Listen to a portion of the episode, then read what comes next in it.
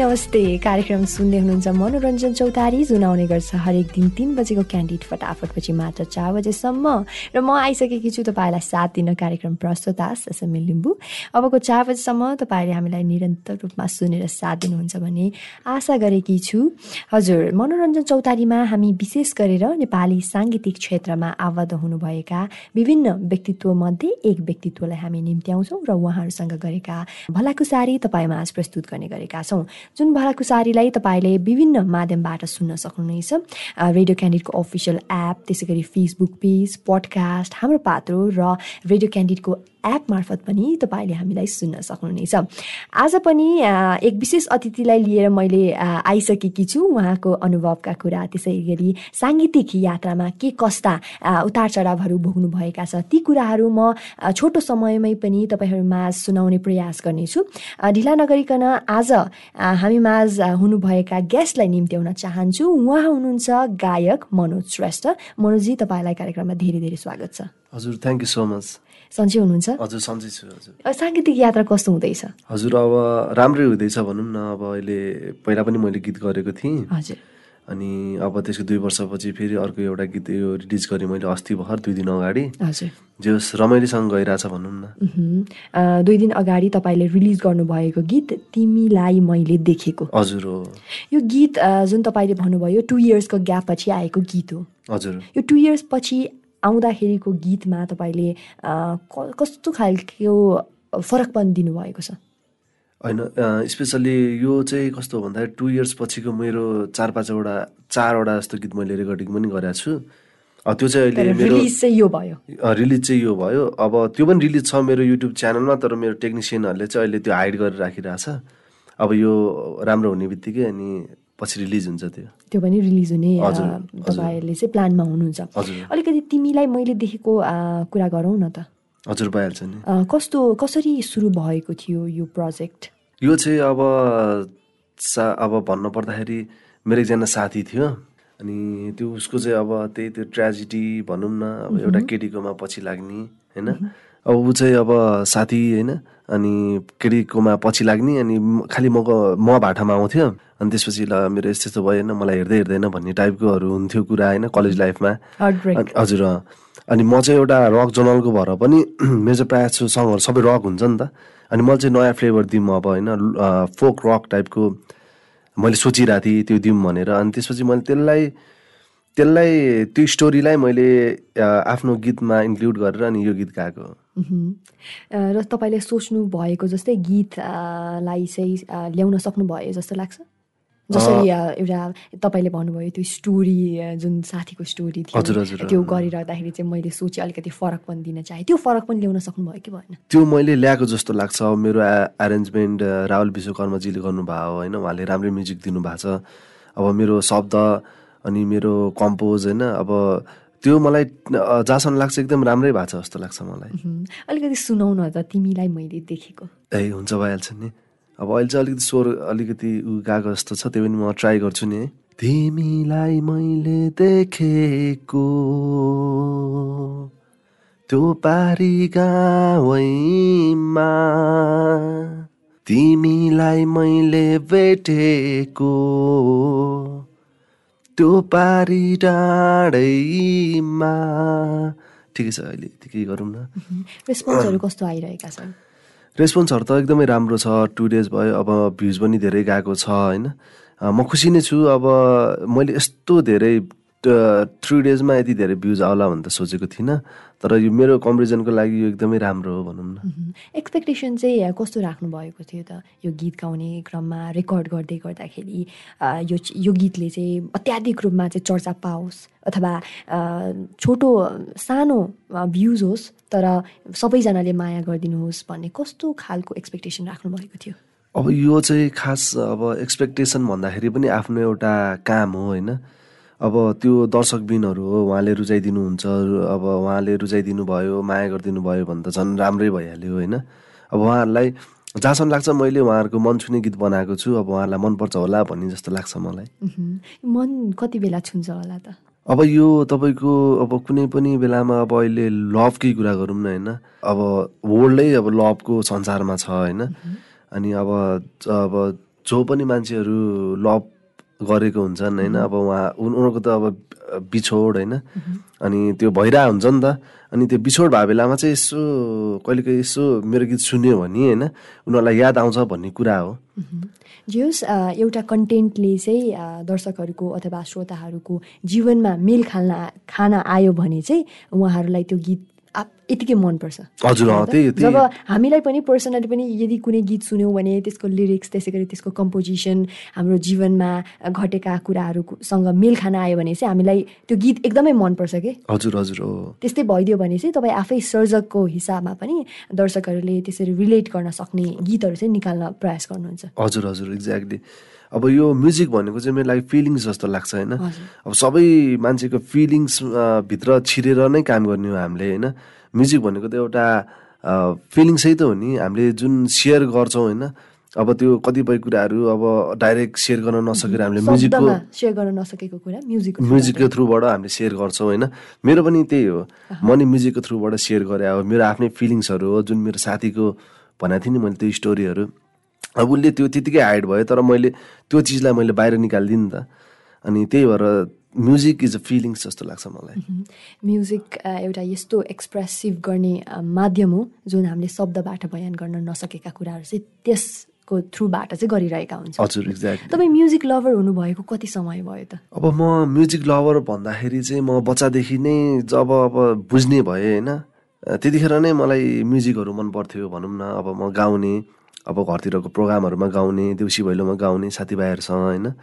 अनि स्कुल लाइफमा नि गाउँथेँ नाच्थेँ पनि अलिअलि नाच्थेँ। अनि कलेज लाइफमा चाहिँ म एक्ज्याक्टली कन्सर्टहरू मैले गरेँ तर टेन क्लाससम्म चाहिँ मैले एकदमै गाएँ भनौँ न धेरै गाएँ। अनि त्यसरी नै अब बढ्दै गयो म्युजिकको रुचि होइन? अब अब जस्तो कि मलाई चाहिँ एक्ज्याक्टली थाहा थिएन म म्युजिसियनै बन्छु भनेर। अनि तर एउटा मोड लियो जुन चाहिँ अब आफू एक्लै हुँदाखेरि कोही साथी नहुँदाखेरि होइन एउटा गिटार लिएर बस्दाखेरि अनि आफ्नो मनको कुराहरू अब कसरी भन्ने त भन्दाखेरि अब गीत गाउँदा गाउँदै गीत बनाउँदा बनाउँदै आफ्नै गीत बन्यो क्या अनि त्यसपछि अनि ल this is the way of जोड्ने भने जस्तो मलाई फिल भयो। त्यसपछि मैले अनि गाउन थालेँ। र त्योभन्दा अगाडि चाहिँ म बच्चा बेलामा चाहिँ सुन्थेँ मात्र र गाउँथेँ पनि तर आफ्नै गीत चाहिँ गाउँदैन थिएँ अरूहरूकै गीतहरू गाउँथेँ। मह्म। अरूहरूकै गीत गाउनुहुन्थ्यो र आफैले गीत गाउँछु भविष्यमा भनेर सोच्नु पनि भएको सोचेको। थिइनँ मैले कहिले पनि सोचेको थिइनँ त्यो चाहिँ। यो व्यावसायिक रूपमा म यसलाई नै निरन्तर दिन्छु भनेर चाहिँ कति बेला सोच आयो त यो म जब म उता बाहिर थिएँ बाहिर भइसक्यो उता डेनमार्कमा थिएँ म युरोपमा थिएँ अनि त्यसपछि त्यहाँ म गएँ अनि त्यसपछि त्यो म्युजिकहरू अब उताको नि म्युजिकहरू हुन्छ नि त उताको म्युजिकहरू सुन्थेँ म डेनिस म्युजिकहरू सुन्थेँ उनीहरूको एकदमै राम्रो लाग्थ्यो क्या अनि अनि त्यहाँको एकजना म्युजिसियनसँग नि मैले भेट भएको थियो कुरा भएको थियो होइन? अनि उसले चाहिँ म्युजिकमा एकदम राम्रो छ स्कोप राम्रो छ भन्ने कुराहरू त्यसले गर्थ्यो। मैले उता डेनमार्कमै रेकर्डिङ गराउनु खोजे हो खास चाहिँ त्यहाँ चाहिँ अलिकति मिलेन किन भन्दाखेरि हाम्रो टेक्निकल कुराहरू पनि हुन्छ अब हाम्रो शब्दहरू उनीहरूले बुझ्दैन। अनि उनीहरूले चाहिँ मलाई त्यही सल्लाह दियो ल म्युजिकमा एकदम राम्रो छ गर।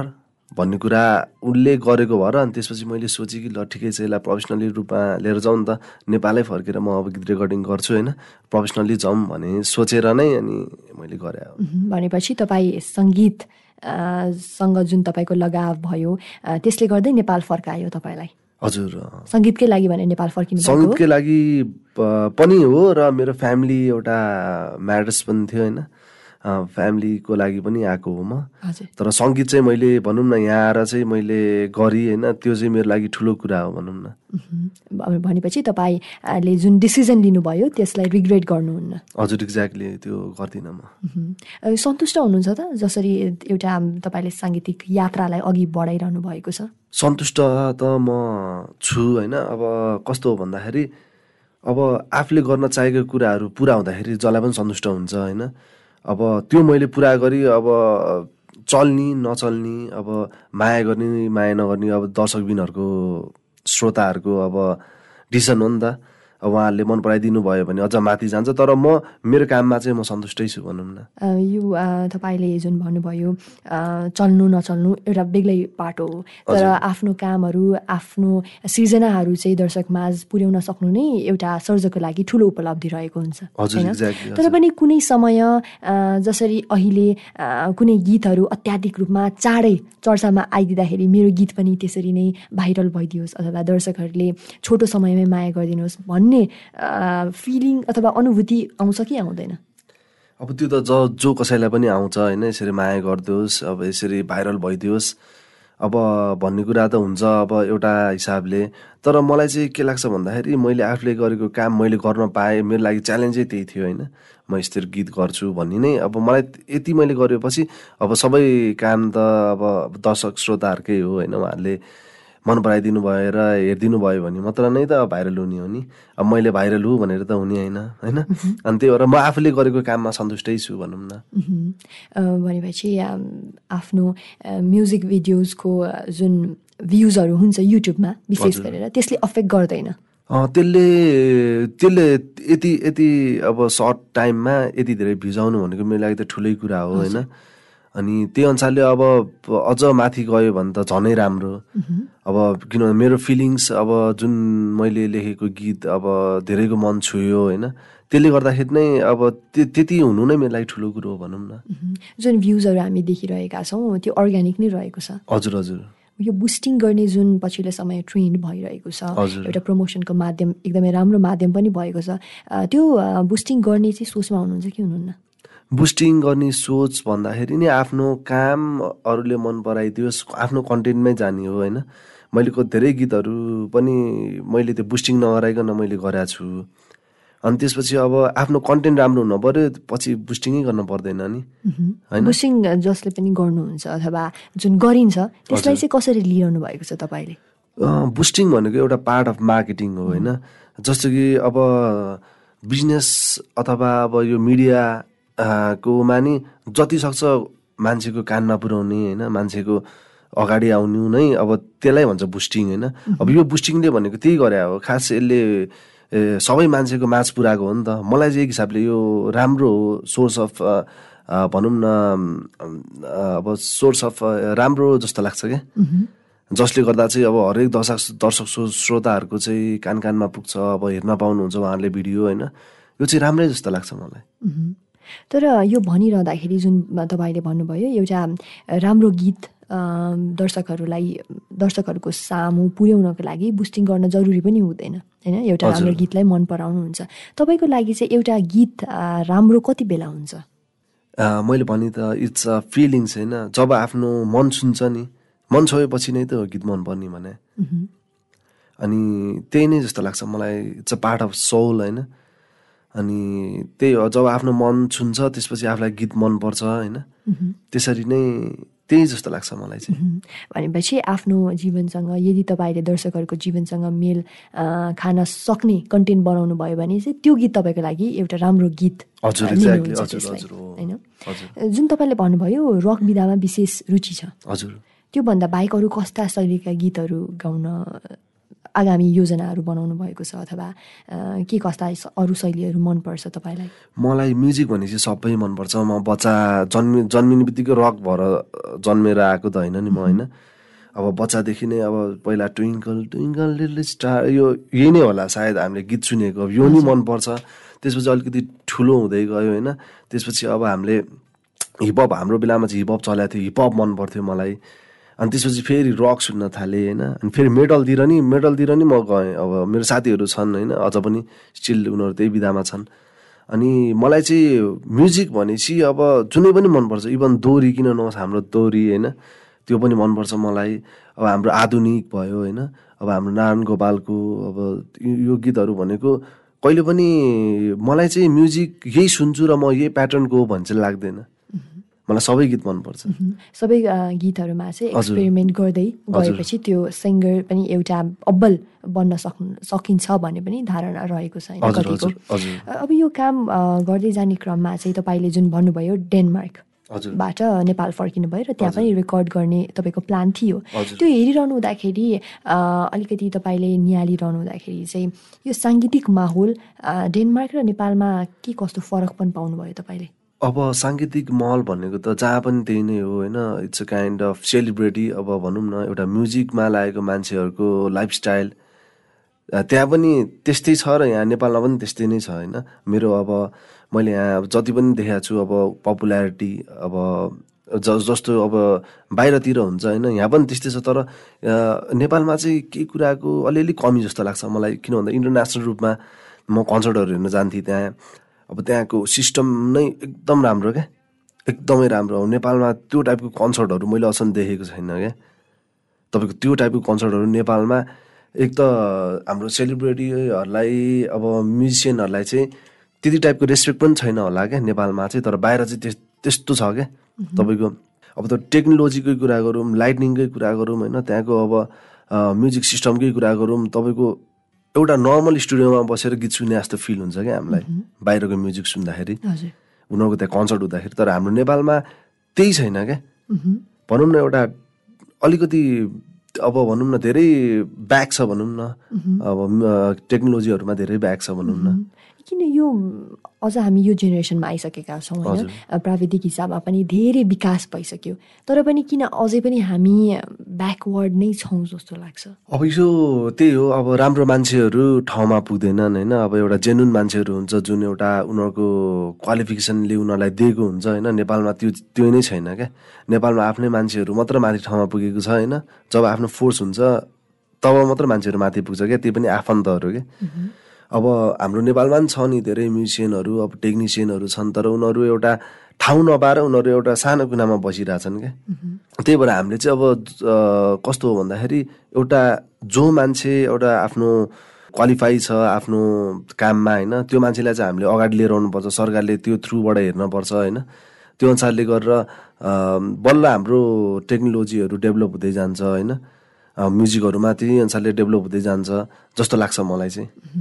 यो सबै टेक्नोलोजीको कुराहरू गरिरहँदाखेरि म्युजिकको कुरा गरिरहँदाखेरि जति पनि हाम्रो म्युजिकहरू रिलिज हुन्छन् अथवा सार्वजनिक हुन्छन् यो फरकपन ल्याउने प्रयास भइरहेको भनेर सर्जकहरूले पनि भनिरहनु हुँदाखेरि पनि कति समय हामी दर्शकहरूको जुन एउटा एक्सपेक्टेसन हुन्छ त्यो प्रायः जसो मिट गर्न सकिरहेका हुँदैनौँ नि।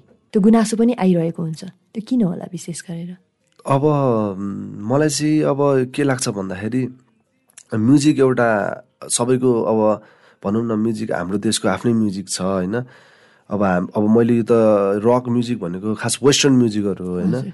अब हामीले अब मेरो विचारमा चाहिँ के लाग्छ भन्दाखेरि वेस्टर्न म्युजिक अब त्यो बेलाको रकहरू अब अहिले भनौँ न हामीले अहिले गाइरहेछौँ भनौँ न अब यो हाम्रो म्युजिकहरू तर अब हाम्रो नेपालमा चाहिँ कस्तो हो भन्दाखेरि धेरै बिस्तारै डेभलप हुँदैछ तर हुन्छ।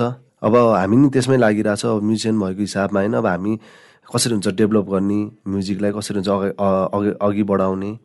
त्यसरी नै लागिरहेछ भनौँ न। पक्कै पनि सबै म्युजिसियन्सहरू मिलेर अथवा एउटा इन्डस्ट्रीमा लागिसकेपछि त्यसमा आबद्ध हुनुभएका सम्पूर्ण आर्टिस्टहरूले नै मिलेर यसले अपलिफ्ट गर्ने प्रयास भयो भने परिवर्तन हुन्छ। हुन्छ। हुनमा आउँछ है। हजुर। ओके सो अब यही एकदमै सकारात्मक सोच पश्चात हामी छोटो विश्राममा लाग्नेछौँ। कुराकानी गर्दैछौँ नेपालका गायक मनोज श्रेष्ठजीसँग। उहाँसँगको कुराकानी तपाईँले विभिन्न माध्यमबाट सुन्न सक्नुहुनेछ।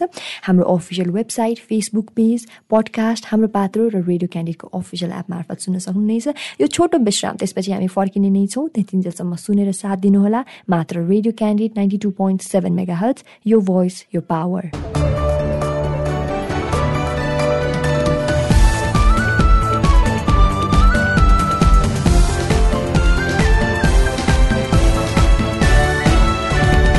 You are listening Radio Candid 92.7 MHz. Your voice, your power.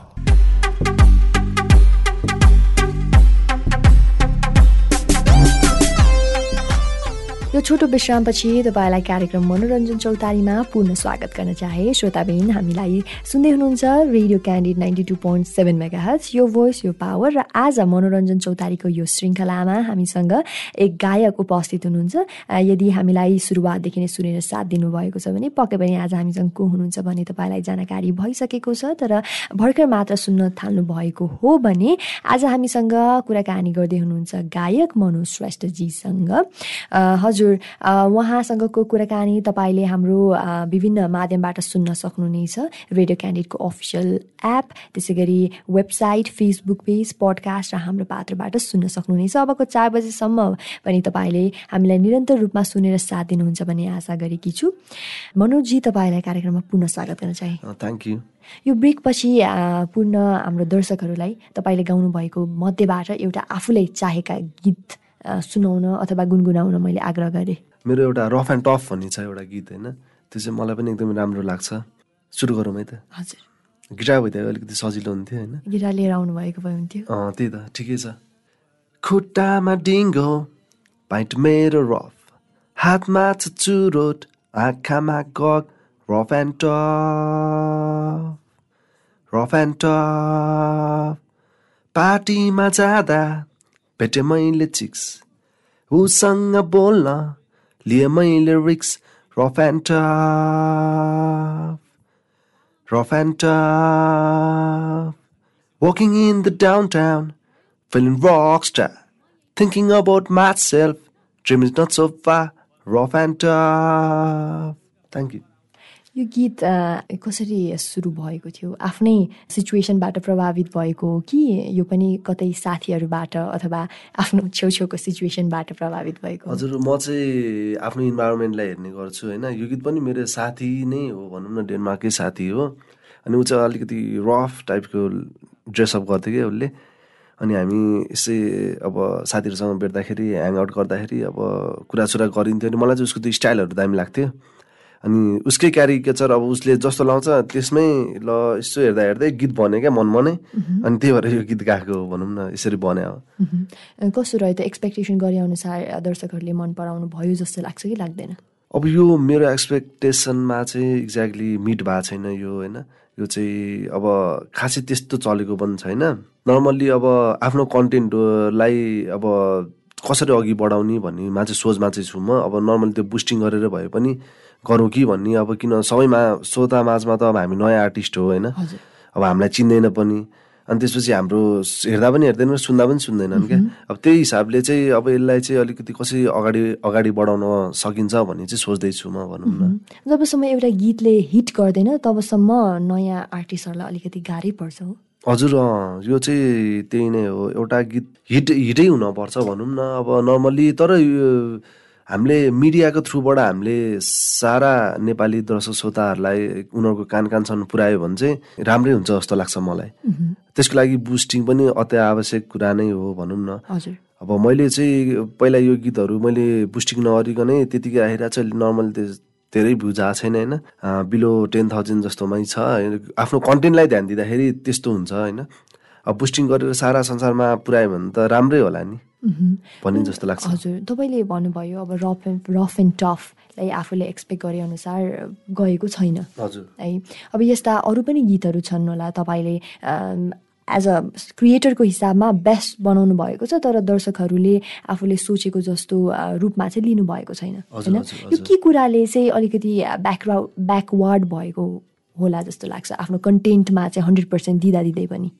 अब मेन भनेको यो हाम्रो मार्केटिङकै कुरा आउँछ होइन? अब मैले चाहिँ मार्केटिङलाई त्यति साह्रो ध्यान दिएको थिइनँ। मैले यो सङ्स नेपालबाट मैले सबभन्दा फर्स्ट एउटा गीत निकालेँ। त्यसमा पनि मेरो भ्युज भनौँ न ठिकै आयो फोर्टिन थाउजन्ड भनेको। अब नर्मल एउटा ठिकै भनौँ। अनि त्यसपछि मैले चाहिँ के सोचेँ भन्दाखेरि एउटा यो मार्केटिङको हिसाबले एउटा गीत गइसकेको छ। र बाँकी चाहिँ मैले अब आफ्नै कन्टेन्टको आफ्नै च्यानलमा हाल्दा पनि चल्छ कि भन्ने आश थियो मलाई। तर त्यस्तो खासै चाहिँ आशा गरे जस्तो चाहिँ भएको छैन होइन? गीतहरू। तर मेरोमा छ तर कति जति पनि सुन्ने साथीहरूले सबै गीत राम्रो छ तेरो भनेर भन्छन् होइन? अनि त्यही भएर चाहिँ अब ल ठिकै छ अब यो फेरि एक लट राम्रोसँग मार्केटिङ गरौँ न त भनेर यो गीतमा चाहिँ मैले अलिकति भनौँ न अब हाम्रो फोर बी फोर बी हजुर फोर बीको डिरेक्टरहरूलाई मैले बोलाएर अनि उहाँहरूले ल हामी राम्रोसँग गरिदिन्छौँ भनेर भन्नुभयो। अनि यो हाम्रो प्रमोसन नेपालबाट अनि हामीले काम गरेका छौँ होइन? अनि उहाँहरूबाट चाहिँ काम गर्दाखेरि एकदमै राम्रो रेस्पोन्स आइरहेछ किन भन्दाखेरि उहाँहरू त कामै त्यही हो नि त मार्केटिङ गर्ने। अनि त्यही हिसाबले पनि अहिले चाहिँ राम्रो आइरहेछ र प्लस अब यो गीत राम्रो भएपछि डेफिनेटली मेरो ब्याक गीतहरू त राम्रै हुन्छ भन्ने जस्तो लाग्छ मलाई। भनेपछि तपाईँले अहिले आएर कन्टेन्टमा मात्र नभएर प्रमोसनमा पनि इक्वल्ली ध्यान दिनुभएको छ। हजुर प्रमोसन त इम्पोर्टेन्ट नै जस्तो लाग्यो। कुनै पनि बिजनेसमा चाहिँ मार्केटिङ चाहिँ one of the most important part रहेछ भन्ने कुरा मैले बुझेँ क्या।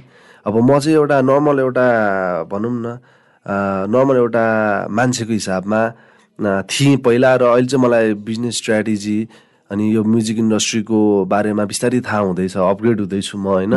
त्यो अनुसारले म अघि बढिरहेको छु भनौँ न। किनभने पक्कै पनि तपाईँले भन्नुभएको जस्तै कति समय हामीसँग प्रतिभा भए तापनि त्यो प्रतिभालाई कसरी बिक्री गर्ने अथवा त्यो प्रतिभालाई कसरी सोकेस गर्ने हाम्रो आइडिया हुँदैन। त्यही भएर त्यो नह- नहुँदाखेरि चाहिँ प्रतिभाशाली आर्टिस्टहरू अथवा प्रतिभाशाली जो कोही पनि व्यक्तित्व हुनुहुन्छ उहाँहरू अघि बढ्न नसक्नु भएको पनि हामीले धेरै इक्जाम्पल्सहरू देखेका छौँ। हजुर त्यही नै रहेछ। जस्तो कि तपाईँको एउटा कुनै पनि एउटा भनौँ न रिपोर्टरहरू आएर कुनै पनि एउटा सानो मान्छेलाई ठुलो बनाइदिएको पनि हामीले देखेको छौँ होइन? अनि अब एकदम राम्रो मान्छेहरू पनि कहीँ पनि नगएको पनि देखाएको छौँ हामीले होइन? त्यो भनेको सबै मार्केटिङै हो क्या? वर्ल्डै मार्केटमा चलेको छ होइन? अनि त्यो भएर मार्केटिङ चाहिँ one of the most important part चाहिँ हो। आफूले आफूलाई कसरी सेल्फ ब्रान्ड गर्न सक्छौँ भन्ने स्ट्राटेजिज जानियो भने यदि हामीसँग त्यही किसिमको ट्यालेन्ट छ भने पक्कै पनि दर्शकहरूले मन पराउनु नै हुनेछ तर दर्शकहरूको समक्ष एक न एक दिन हामी पुग्न नै सफल हुन्छौँ। हजुर हजुर। अब यो जुन तपाईँले लगानी गर्नुभयो म्युजिक भिडियोजमा अब भ्युज अनुसार तपाईँले भन्नुभयो टेन थाउजन्ड त्यसै गरी फोर्टिन थाउजन्ड रहेका छन्। त्यो पनि अर्ग्यानिक नै रहेका छन् होइन। त्यो किसिमले चाहिँ अब तपाईँले आफ्नो लगानी गर्दै गर्नु हुँदाखेरि एउटा प्यासनको हिसाबमा पक्कै पनि गीत सार्वजनिक गर्दै हुनुहुन्छ। हजुर। यो व्यापारिक हिसाबमा चाहिँ कतिको रिटर्नको अपेक्षा गर्नुहुन्छ तपाईँ? अब यो त मेरो खास भने मैले यसलाई व्यापारिक भन्दाखेरि पनि रिटर्न भन्दाखेरि पनि एउटा सेटिस्फ्याक्सनको हिसाबले मैले काउन्ट गरिरहेको छु यसलाई होइन? अब मेरो एउटा जुन प्यासन थियो सिङ्गिङ भन्ने कुरा त्यो मैले पुरा गरेँ होइन? अब त्यही नै मेरो लागि ठुलो कुरा हो जस्तो लाग्छ। मलाई यसको बाबत रिटर्न यति यति होस् उति होस् भन्ने छैन। मलाई दर्शक श्रोताहरूले माया गर्दछ भन्ने जस्तो चाहिँ लाग्छ मलाई। मैले धेरै आर्टिस्टहरूसँग कुरा गर्ने क्रममा पनि उहाँहरूको एउटै मात्रै एन्सर आउँछ सिमिलर के? लगानीबाट रिटर्न भन्दा पनि एउटा सेटिस्फ्याक्सन आफ्नो प्यासनलाई पुरा गरिरहेको छु भनेर। तर पनि एउटा सस्टेन हुनको लागि प्यासनमा मात्रै सीमित भएर अघि लान सकिन्छ त? यसले यसको लागि चाहिँ कस्तो हुन्छ भन्दाखेरि सबै चिज मिल्न पर्यो। तपाईँको प्यासन हुन पर्यो त्यसमा अब तपाईँको राम्रो म्युजिक हुन पर्यो होइन? अनि राम्रो गीत हुन पर्यो दर्शक श्रोताहरूले मन पराइदिन पर्यो होइन? अब कुनै पनि एउटा नचल्ने जस्तो गीत पनि एकदम भाइरल भएको छ तपाईँहरूलाई पनि थाहा छ हामीलाई पनि थाहा छ होइन? अब कुनै एउटा राम्रो गीत पनि चलेको छैन होइन? अनि अब त्यही हो सबै कुरा लक पनि भन्छु म होइन? यसलाई लक पनि चाहिन्छ अब मेन कुरा चाहिँ लक लक पनि चाहिन्छ इम्पोर्टेन्टै हो जस्तो लाग्छ मलाई। यो जुन तपाईँले भन्नुभयो छोटो समयमै एकदमै हिट भएको गीतहरू पनि छन्। त्यसै गरी अलिकति कन्टेन्टमा हामीलाई खासै सेटिस्फाइड नभए तापनि त्यही अनुसारको भ्युज बढ्दै पनि गइ गइरहेको हामी देख्न सक्छौँ। होइन? त्यसै गरी कन्टेन्ट एकदमै राम्रो स्टोरी राम्रो त्यसै गरी लिरिक्स राम्रो भए तापनि सोचेको जस्तो दर्शकहरूले मन नपराउनु भएको अथवा दर्शकहरूको सामु पुग्न सफल नभएको पनि हामीले देखिरहेका छौँ। होइन? यो कुरा यो यस्तो सबै फ्लक्चुएसन छ नि त सिचुएसन होइन? केही कुराको पनि एउटा स्टेबल हामीले फ्युचरै देख्न सकिरहेका छैनौँ कि? यसले गर्दाखेरि जो पनि नयाँ प्रतिभाहरू आउनुहुन्छ हजुर। यो क्षेत्रलाई चाहिँ म एउटा प्यासनको हिसाबमा मात्रै नभएर यो यो क्षेत्रबाट म केही रिटर्न लगानी गरे अनुसार एउटा सस्टेनेबल प्रोफेसन बनाउँछु भनेर जो अघि बढिरहनु भएको छ उहाँहरूलाई चाहिँ तपाईँ के भन्न चाहनुहुन्छ? के बुझ्न जरुरी छ यो क्षेत्रमा आउनु अघि? यो क्षेत्रमा चाहिँ अब म यसरी एउटा गीत गाउने बित्तिकै धेरै कमाइहाल्छु भन्ने चाहिँ नसोच्नु होला होइन? अब आफ्नो काम पनि गर्दै जाने एउटा प्रोफेसन पनि एउटा हिसाब एउटा ठाउँमा हुन्छ र अनि आफ्नो प्यासन पनि एउटा ठाउँमा हुन्छ होइन? त्यो दुइटालाई एकैचोटि अगाडि बढाउनु भयो भने चाहिँ त्यो त्यसले चाहिँ धेरै हेल्प गर्छ। अब म सिङ्गिङ मात्र गर्छु ला मेरो केही पनि भएन भन्ने चाहिँ त्यो त्यसरी आउनुभयो भने चाहिँ एकदमै गाह्रै हुन्छ जस्तो लाग्छ। अब मेरो पनि एउटा प्रोफेसन छ म एउटा बिजनेस गर्छु होइन? अनि त्यसपछि मेरो सिङ्गिङ पनि एउटा साइडमा छ। अब त्यो अनुसारले गर्दाखेरि मलाई यताको उता यताको उता गर्न सजिलो हुन्छ क्या मलाई। प्यासन पनि फुलफिल भयो र मेरो प्रोफेसनल हिसाब पनि गइरहेछ क्या अर्को प्रोफेसन बिजनेस पनि गइरहेछ भनौँ न। त्यही भएर कुनै पनि नयाँ अपकमिङ भनौँ न सिङ्गरहरू अब हुन्छन् जति पनि हुन्छन् उहाँहरूलाई चाहिँ सिङ्गिङ मात्र गर्छु भन्ने चाहिँ नसोचे पनि हुन्छ। किन भन्दा सिङ्गिङमा मात्र चाहिँ फ्युचर चाहिँ छैन। हजुर। अब छ होला अब कतिपय मान्छेहरू चाहिँ त्यत्तिकै अब भनौँ न राम्रो गीत गाएर नै माथि पुग्नु भएको छ छोटो समयमा तर त्यो लकले गर्दा हो भनौँ हामी थोरै प्रतिशत मात्रै देखिरहेका एकदमै हन्ड्रेडमा यो भनौँ न नाइन्टी फाइभ नाइन्टी नाइन पर्सेन्टै भनौँ न अब त्यसरी माथि गएको हुँदैन। वान पर्सेन्ट मात्र लकले गर्दा माथि पुगेको हुन्छ जस्तो चाहिँ लाग्छ है मलाई। पक्कै पनि अब हामी तुलनात्मक हिसाबमा पनि विदेशी म्युजिकहरू देखिरहेका छौँ होइन? जहाँ चाहिँ अत्याधिक रूपमा सफलता हासिल गर्नुभएको हुन्छ। तर पनि हामीले नेपालमा चाहिँ सिङ्गिङ अथवा यो यो जुन इन्टरटेनमेन्ट सेक्टर छ त्यसलाई एउटा स्टेबल फ्युचर किन बनाउन नसकेको होला? अब हाम्रो नेपाल एउटा सानो कन्ट्री हो होइन? अब इन्टरनेसनल म्युजिकहरू सब अब इन्टरनेसनलै चल्छ नि त। अनि त्यो हिसाबले गर्दाखेरि उनीहरूको रेभेन्यू पनि धेरै नै आउँछ भनौँ न। अब हाम्रो एउटा नेपाल अब नर्मली अब इन्डियाको साइड साइडको भनौँ न। बोर्डर रहेका बोर्डरमा रहेका नेपालीहरू उहाँले मात्रै सुनिदिने हो। त्यही भएर हाम्रो मा म्युजिक इन्डस्ट्री चाहिँ त्यस्तो माथि जान सक्दैन जस्तो लाग्छ क्या मलाई चाहिँ। अब इन्टरनेसनलको इन्टरनेसनल रूपमा रहेको सिङ्गरहरूले चाहिँ अब इभन हामीले नै सुन्छौँ होइन उहाँको गीतहरू तर हाम्रो गीतहरू उहाँहरूले सुन्दैन फेरि। खास त्यही नै हो जस्तो लाग्छ मलाई चाहिँ। मार्केट सानो भएको हिसाबले पनि हामीले सोचेको जस्तो अथवा गर्न चाहेको जस्तो फ्युचर चाहिँ बनाउन नसकेको हो। हजुर। एक्ज्याक्टली हजुर हो। अब आगामी तपाईँको गीतहरू कस्ता आउँदैछन् त? अब मेरो गीतहरू छन् चार पाँचवटै छन्। अब राम्रै छ भनौँ अब म त्यसलाई कम्पोज गर्दैछु होइन। अब बिस्तारै आउँछ गीत। चाँडै नै आउँछ। अब चाहिँ दुई वर्ष लामो कुर्नु पर्दैन हामीले। पर्दैन पर्दैन हजुर यो कम्पोजिसनको क्रममा तपाईँलाई एज अ क्रिएटर सबैभन्दा च्यालेन्जिङ पार्ट चाहिँ के हो? च्यालेन्जिङ पार्ट भनेको मुड हो। It it depends on the mood होइन। अब कहिलेकाहीँ गीत गाउँछु सोध्छु लेख्छु भन्दाखेरि नि आउँदैन क्या। तर कहिलेकाहीँ यत्तिकै बसिरह्यो भने त्यत्तिकै आफू पुरा आफै कम्पोज हुन्छ क्या। अब इट्स काइन्ड अफ मुड भनौँ न। मलाई चाहिँ त्यही लाग्छ अब आफू कुन मुडमा हुन्छ त्यो अनुसारले गीत लेखिन्छ जस्तो लाग्छ मलाई चाहिँ। सो अब कुनै बेला प्रोजेक्ट तपाईँले भोलि नै प्रिपेयर गर्नु छ भने आज मुड भएन भने त्यो तपाईँले कम्प्लिट गर्न सक्नुहुन्न। सो मुडले चाहिँ एकदमै अफेक्ट गर्छ इन्फ्लुएन्स गर्छ एउटा कम्पोजिसनमा। हजुर त्यो त्यो त्यो पनि गर्छ र अब म यो गीत लेख्छु भनेर बस्यो भने नि गीत त लेख्न सकि नै हाल्छ होइन तर कस्तो हो भन्दाखेरि अब आफूले भने जस्तो सोचे जस्तो ठ्याक्कै आउँदैन क्या। इट्स अ काइन्ड अफ म मलाई चाहिँ के लाग्छ भन्दाखेरि अब पिएचडी गर्नेहरू पनि त प्रधानमन्त्री भएको छैन नि होइन? अब सिङ्गिङमा एकदम राम्रो गाउने मान्छेहरू पनि माथि पुगेको छैन नि त। यो चाहिँ अब नेचुरल कुरा हो क्या। मैले नि गीत लेख्न थालेको यो नेचुरल कुरा हो। गीत गिटारमा बजाएँ गुनगुनाउँदै गएँ होइन? राम्रो गीत बन्यो। It's a kind of natural जस्तो लाग्छ क्या। मैले अब सिङ सिङ्गिङ सिकेर नै मैले गीत गाएको भन्ने अ, छैन क्या। अब यो चाहिँ नेचुरल आर्ट हो जस्तो लाग्छ मलाई।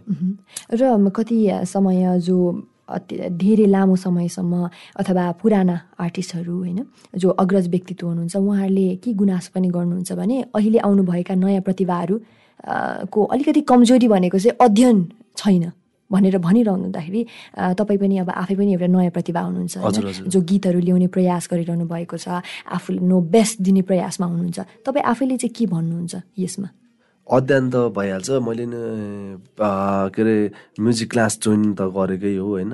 तर मैले नर्मल्ली म सिङ्गरै बन्छु भनेर चाहिँ मैले गरेको थिइनँ।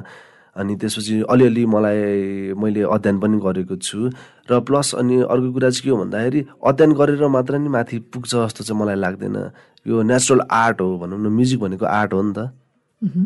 अनि तपाईँको त्यही आर्ट आर्टलाई फोकस गरेर नै तपाईँको माथि पुग्छ जस्तो लाग्छ क्या मलाई चाहिँ। पछिल्लो समय नयाँ प्रतिभा भएर आइसक्दाखेरि आफ्नो जति पनि प्रोजेक्टहरू गर्दाखेरि पनि त्यो सोचेको जस्तो आउटकम नआइदिँदा रिजल्ट नआइदिँदाखेरि एउटा फ्रस्ट्रेसन कतिको हुँदो रहेछ?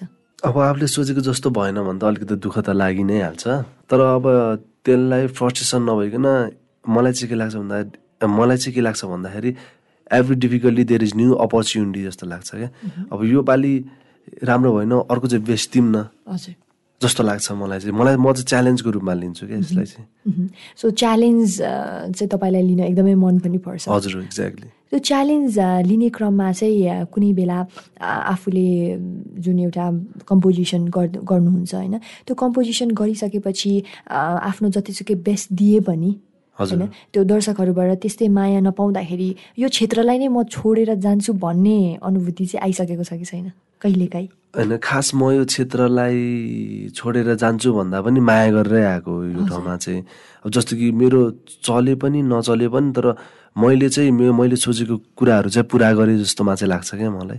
जस्तो कि मेरो आफ्नो अब म म्युजिकमा मैले यो लागेको कारण भनेको मेरो एउटा माइन्डमा एउटा गीत बन्यो त्यो मैले निकाल्न सकेँ। मेरो लागि त्यही नै ठुलो कुरो हो क्या।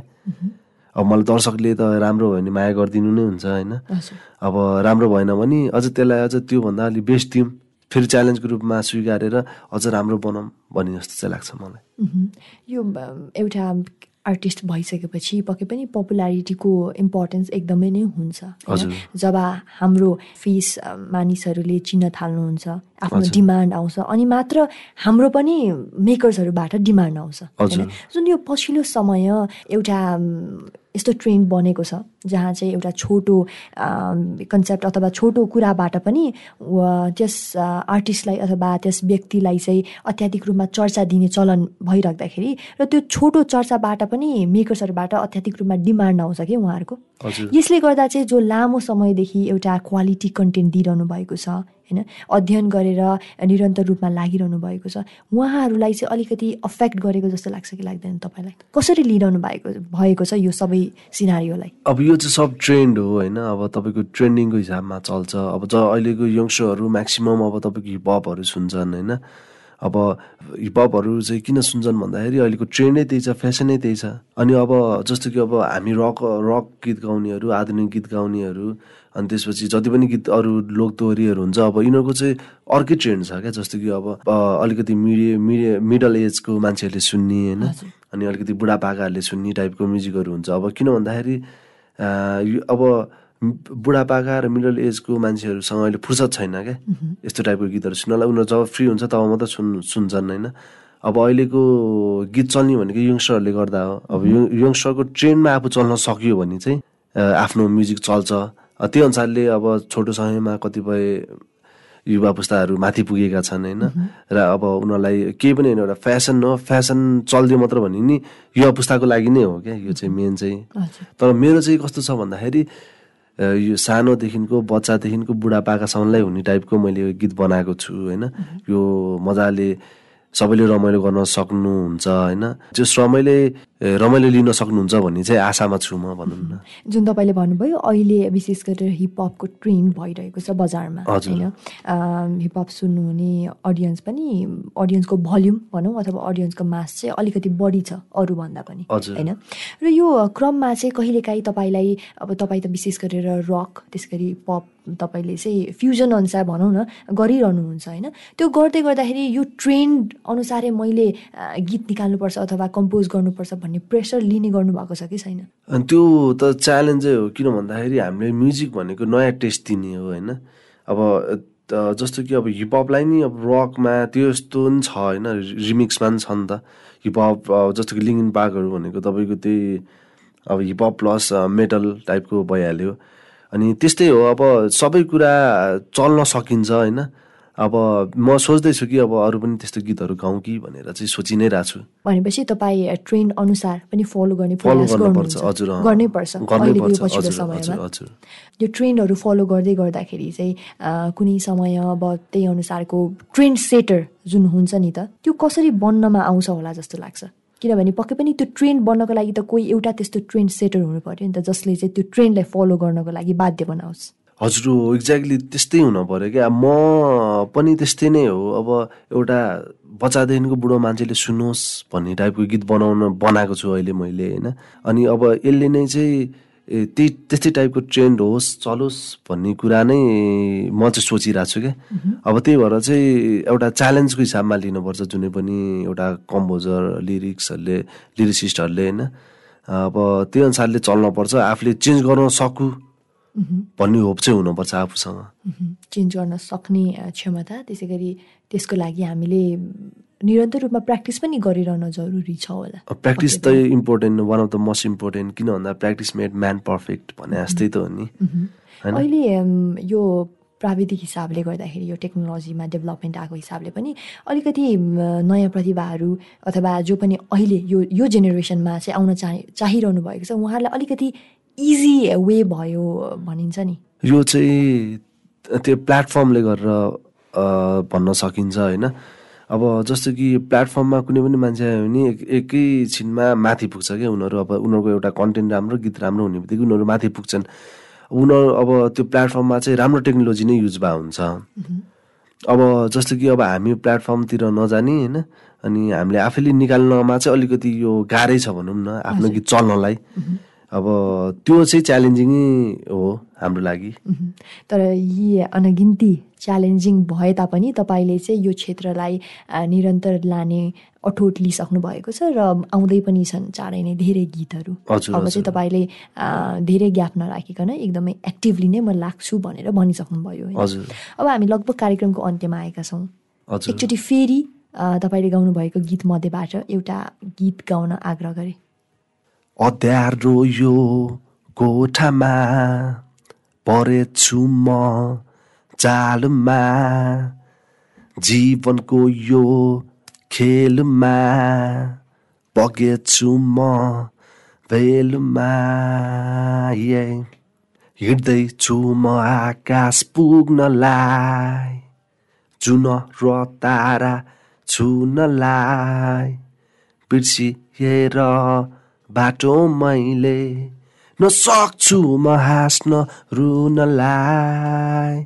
थ्याङ्क यू यति नै हो भनौँ न। थ्याङ्क यू सो मच यो गीत चाहिँ धेरै वर्ष अगाडि रिलिज भएको थियो। हजुर यो चाहिँ मेरो जुन बेलामा फर्स्ट्रेट भएको थिएँ। त्यतिखेर निकालेको गीत हो बनेको गीत हो फर्स्ट गीतै भनौँ न। फर्स्ट के सङ नै रहेको थियो। र एकदमै स्पेसल पनि रहन्छ पक्कै पनि? हजुर। अब के भन्न चाहनुहुन्छ अन्तिममा हामीलाई सुनिरहनु हुने श्रोताहरूलाई? अब हामी जस्तो अपकमिङ न्यू ट्यालेन्ट्सहरू अब न्यू आर्टिस्टहरूलाई सपोर्ट गरिदिनुहोस् हेल्प गरिदिनुहोस् होइन माया गरिदिनुहोस् तपाईँहरूकै हेल्प सपोर्ट र माया नै चाहिने हो हामीलाई। ए अब त्यही भन्न चाहन्छु। पक्कै पनि यसरी नै उहाँले भन्नुभएको जस्तै नयाँ अपकमिङ इमर्जिङ ट्यालेन्ट्सहरूलाई चाहिँ हामी सपोर्ट गरौँ। हाम्रो सपोर्टले नै उहाँहरू एक उहाँहरूमा एउटा ऊर्जा थपिन्छ र अझै बढी काम गर्ने उहाँहरूलाई मोटिभेसन आउँछ। र उहाँले भर्खरै रिलिज गर्नुभएको गीत पनि युट्युबमा सार्वजनिक भइसकेको छ। कृपया गएर हेरिदिनु होला लाइक कमेन्ट र सब्सक्राइब गरिदिनु होला यति भन्दै अब मनोरञ्जन चौतारीको समय यहीँ समाप्त भइसकेको छ। म कार्यक्रम प्रस्तुता सेसेमे लिम्बू यहाँबाट बिदा माग्न चाहन्छु। सुनेर साथ दिनुहोला। मात्र radio candy ninety two point seven megahertz यो भोइस यो पावर।